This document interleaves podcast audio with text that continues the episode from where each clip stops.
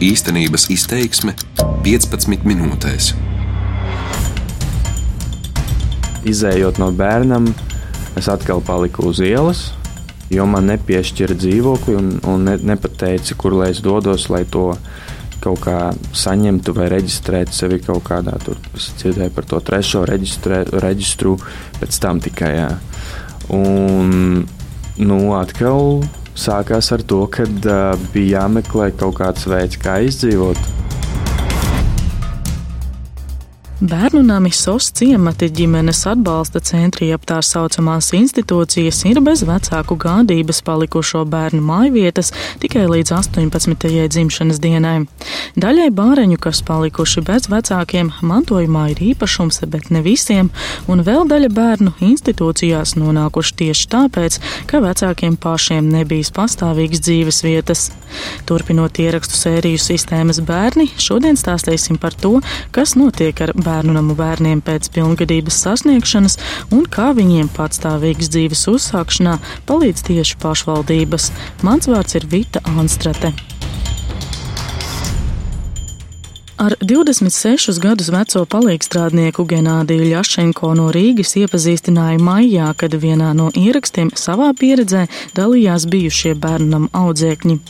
Puisis intervijai toreiz piekrita, jo sacīja, ka sāpīgs jautājums bijis, kur palikt pēc 18. dzimšanas dienas.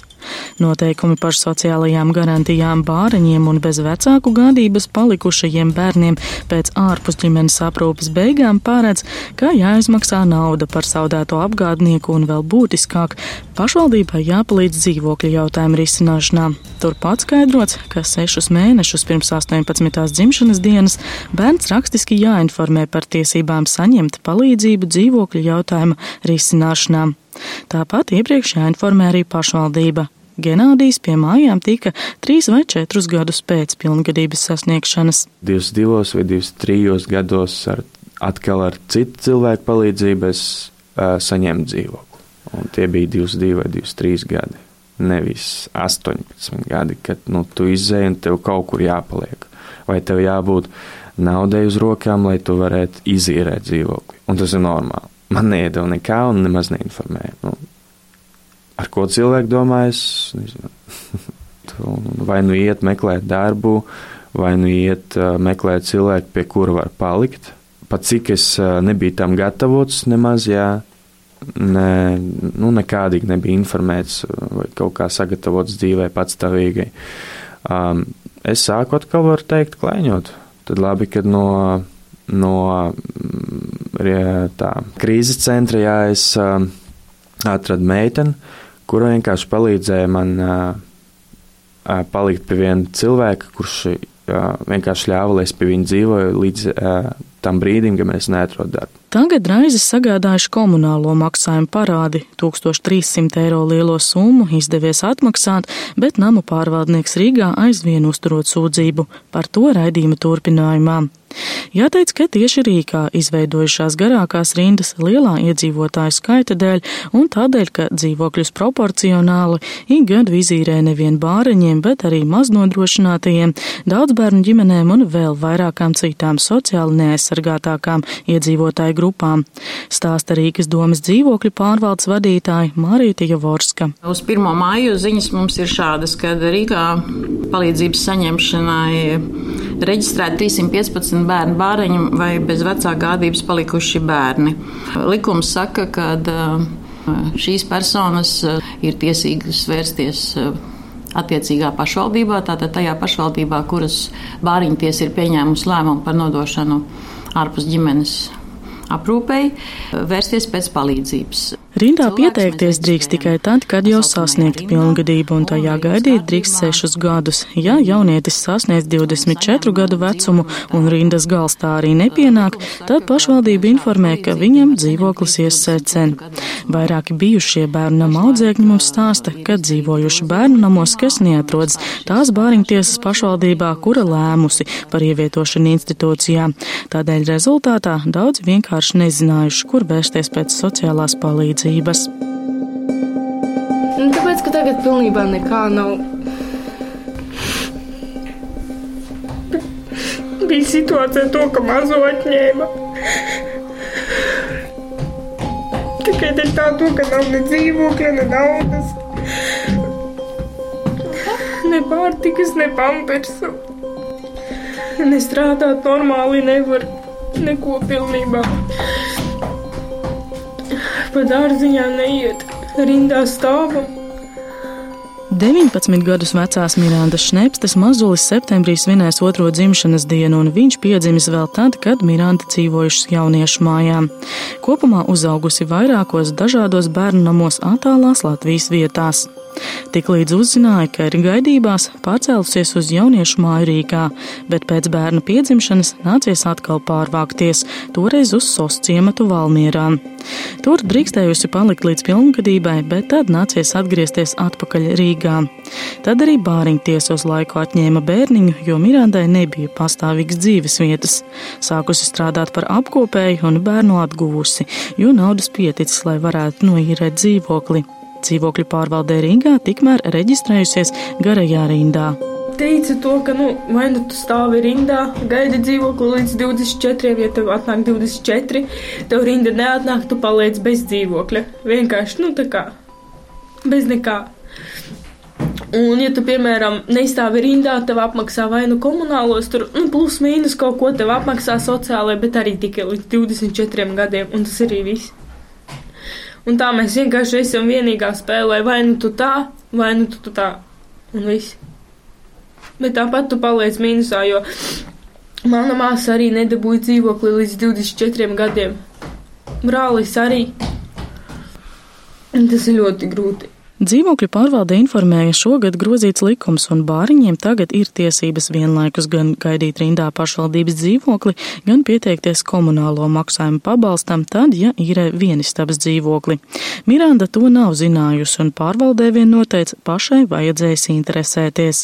Šogad galvaspilsētā pašvaldības dzīvokļi piešķirti 19 bāriņiem, bet pērn 53 bez vecāku gādības palikušajiem jauniešiem.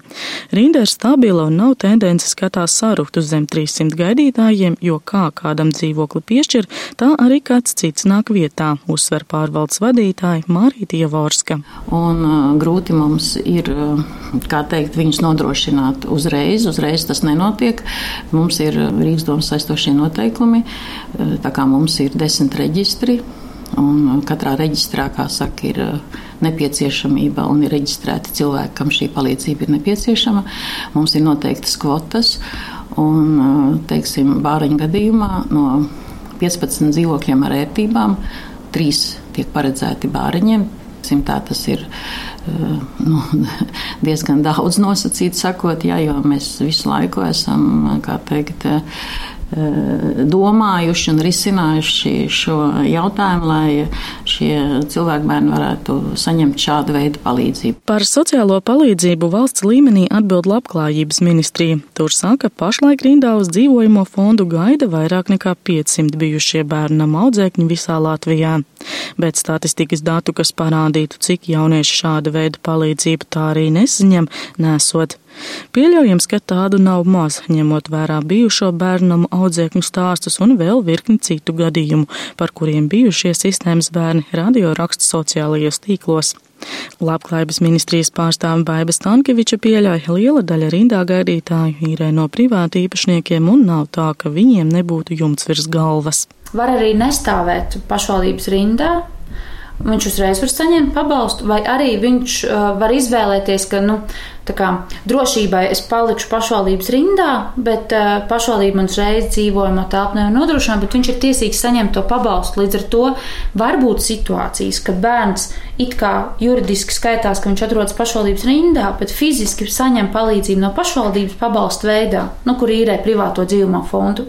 Šobrīd var tāda situācija arī rasties. Līdz ar to Rīgas, no Rīgas 300 ar kapekām bērniem iespējams daļa ir tāda, kas tikai juridiski stāv rindā, bet fiziski jau saņem palīdzību privātajā, nu, īrējot dzīvojumu telpu no privātajiem. Rodas gan jautājums, cik tas ir finansiāli izdevīgi jaunietim, kurš visticamāk vēl tikai mācās vidusskolā vai nu pat ir sācis strādāt, un vai īrēt privātā tirgu ir viņa paša brīvā griba. Pirms pusgada apsekošanu pašvaldību sociālajos dzīvokļos veicis tiesību sarga birojas.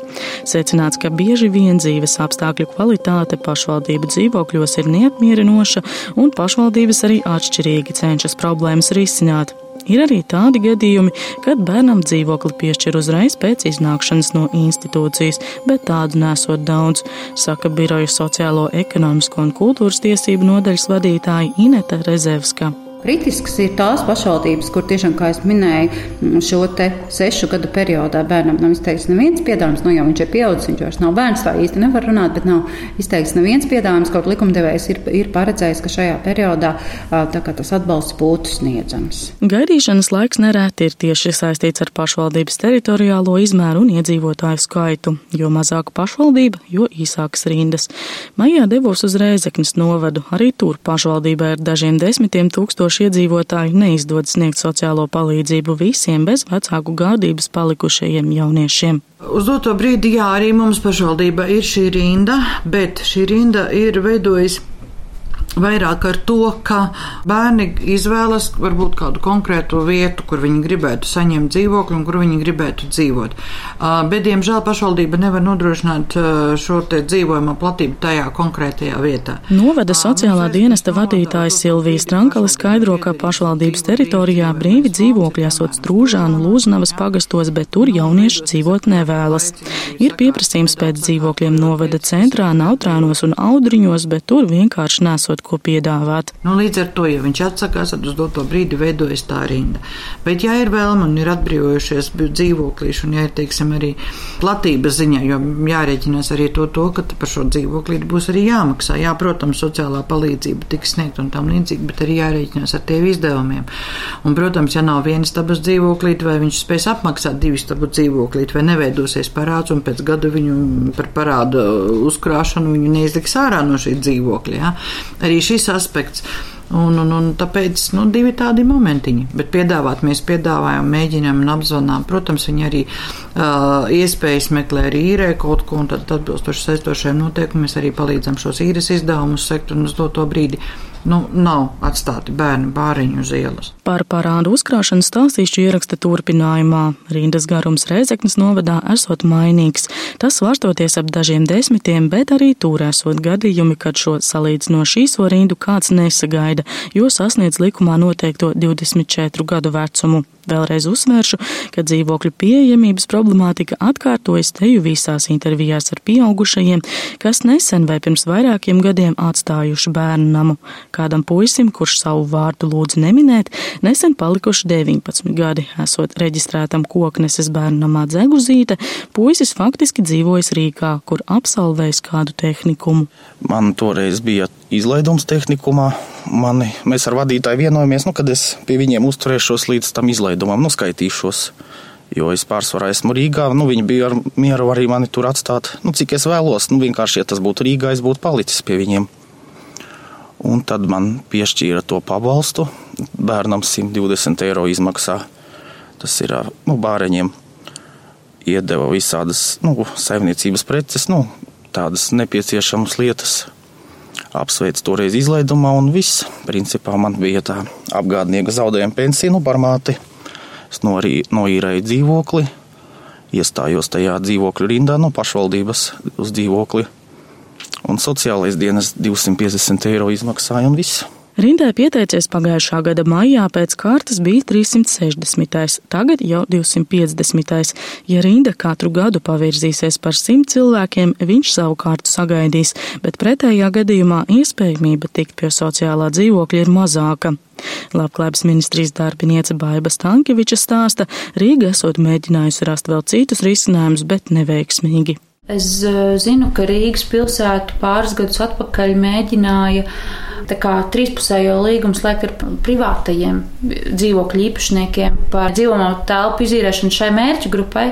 Un jāsaka, privātā, privātie īpašnieki nebija ļoti atsaucīgi, un eh, Rīgai šī iecerta nu, nerealizējās. Tur gan ir jāsaka, privātais eh, dzīvojamais fonds un brīvā tirgus ekonomika mēs nevaram piespiest privātos privātu īpašniekus izīrēt savu lai arī viņi stāv tukši šī telpa. Radījuma sākumā stāstīja par Genādiju, kuram reģistrēties rindā palīdzējusi kāda meitene no krīzes centra. Līdzīgi ar puisi, kas iznācis no dzeguzītes, arī viņam savas tiesības nebija zināmas, un tā tad iespējams, tā ir tendence bērnu namos ignorēt bērnu tālākās vajadzības, bet pašvaldībām tas ļauj vairīties no jaunu cilvēku uzņemšanas rindā. Neviens neko, nu, neviens neko tā nestāsta, tev pašam viss ir jāuzina. Es arī Tad, kad man bija jāiet uz to sociālo dienestu, ne, nu, es neko nezināju, nu, ko, man, ko man prasīt, ko man vajag. Un tad man tur palīdzēja, nu, kontaktējos ar daudziem nu, darbiniekiem, ar kuriem labas attiecības. Nu, viņi jau vairs nestrādā tur. Un tad viņi man arī palīdzēja visu tur sameklēt, uzzināt. Sanāk, ka bērniem pašiem sasniedzot pilngadību nereti jāšķērso attālums pāri Latvijai, lai atrastu attiecīgās pašvaldības sociālo dienestu un uzzinātu savas tiesības. Noteikumi ir atšķirīgi un arī tie ar gadiem mēdz mainīties, bet par to jau pašiem vienasot jāinteresējas. Sūdzības par bērnu neinformēšanu labklājības ministrijas saņemot taču arvien retāk. Ar likumu viss kārtībā bērnu namam pusgadu pirms bērnu pilngadības jābrīdina pašvaldība, ka drīz bērns institūcija diskusiju atstās, bet pašu bērnu par viņa tiesībām būtu jāinformē rakstiski. Cits jautājums ir par to, cik daudz viņi izprot to, ko viņiem rakstiski informē, jo bieži ir tā, ka viņiem iedod A4 vai A5 formātu papīru ar uzskaitījumu, bet viņiem neizskaidro, kādā veidā viņi saņem, vai ka tas ir daļa no pabalstiem ir vienreizējs. Piebilst labklājības ministrijas pārstāve. Bērnu nama audzēkņiem trūkstot iemaņu pastāvīgas dzīves uzsākšanai, īpašas grūtības sagādājot sava budžeta plānošana. To uzsver pašvaldībās. Par ūdeni, gāzi un citiem pakalpojumiem ir jāsamaksā. Tā Rīgas domas pārstāve Mārīta Javorska. Nu, es negribētu teikt, ka viņi ir savādāk kā pārējā mūsu sabiedrības daļa šī jomā. Protams, šie cilvēki varbūt nav tik labi sagatavoti, kā saka, dzīvē, īpaši tie, kas nāk no bērnamiem. Tas secinājums tiešām ir tāds, ka eh, mums ir tādi iesniegumi saņemti, kad eh, raksta meitene, kad eh, viņa nezināja, kad jāmaksā ir par dzīvokli. Nevienam nav mērķis iztiesāt kādu no dzīvokļa, bet ir tomēr ne tikai tiesības, bet arī pienākumi. Un, teiksim, ja mēs lietojam pašvaldības dzīvokli, tāpat kā kādu citu, tad pirmais pienākums ir maksāšana. Sašutis par savu situāciju ir 26 gadus vecais rīznieks Genādijs. Viņš stāsta, pagājušajā gadā bija uzkrājis 1300 eiro lielu parādu. Strīds nonāca līdz tiesvedībai un ar tiesas spriedumu parāds ticis piedzīts. Dzīvokli puisis tik un tā iespējams varētu zaudēt, jo domai nesot tiesību šādā gadījumā īres līgumu pagarināt. Tagad tiesas lēmums esot pārsūdzēts. Šāda situācija nav unikāla. Sociālajos tīklos esmu saņēmusi vēl vismaz piecu citu rīdzinieku stāstus, kas arī pametuši bērnu namus un lūguši palīdzību līdz cilvēkiem. 18 un 24 gadu vecums bērniem ir pat ļoti izšķiroši, lai saņemtu pirmo atbalstu savas dzīves uzsākšanai. 24 gadu slieksnis likumā ierakstīts apzināti, jo pa sešiem gadiem pēc pilngadības sasniegšanas, arī nesaņemot pašvaldības dzīvokli, bērnam būtu jāspēj pašam nostāties uz kājām un pilnībā maksāt par savu iztiku. Vai tas tā ir, grūti spriest. Likumi ar zināmu regularitāti tiek uzlaboti, bet uz problēmu norāda arī tas, ka daudzi par savām tiesībām vienkārši nezina. Raidījumu veidoja Vita Anstrate, par labskaņu rūpējās Kaspars Groskops. Darbības vārds īstenības izteiksmē izsaka darbību kā realitāti.